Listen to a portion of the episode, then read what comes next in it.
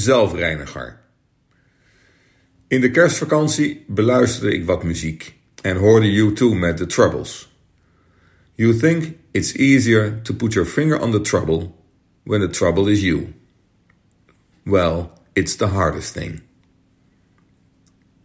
Ik besef me al jaren hoe waar dat voor mezelf is, maar ik weet ook dat die moeilijkheidsgraad voor de meeste boardrooms geldt. Nu er een nieuw kabinet is, aan het begin van dit jaar van transities, levert dat een mooie nieuwjaarswens op. Ik ben altijd onder de indruk van mensen die hun nek voor ons uitsteken. Een nieuw kabinet.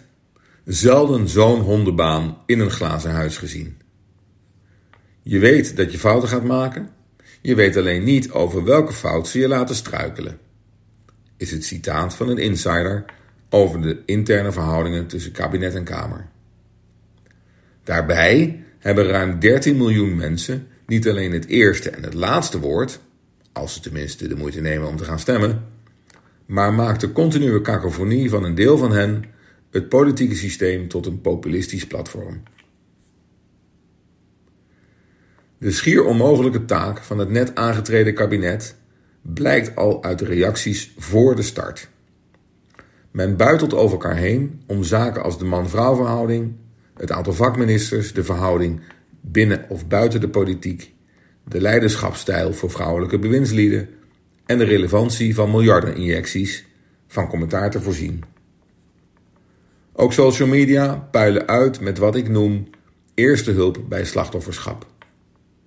Voor mensen die oorzaken voornamelijk buiten zichzelf zoeken, zijn zondeblokken en klagen op het systeem waar ze onderdeel van uitmaken de meest eenvoudige weg.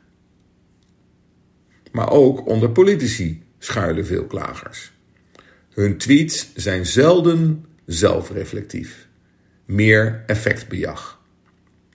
Nog even en politici gaan Snapchatten of een TikTok-kanaal openen, omdat we ook daarmee de afstand tot de kiezers verkleinen, zogenaamd. Daarbij, de dynamiek tussen de kabinet en Kamer verdient geen schoonheidsprijs.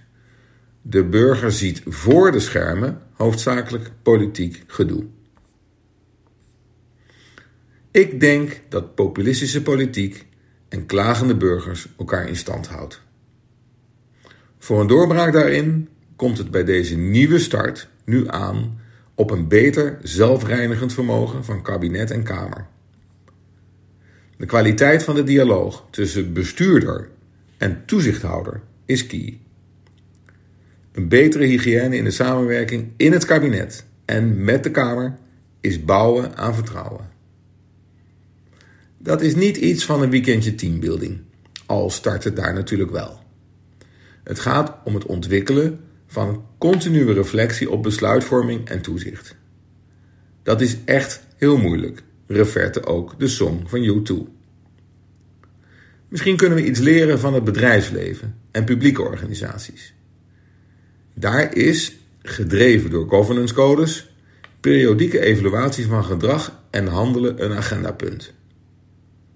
Ook is er steeds vaker een CTO, een Chief Transformation Officer, die onder meer de condities voor veilige, integrale sturing van de transities bewaakt en de werkwijze, zowel hard als zacht, evalueert.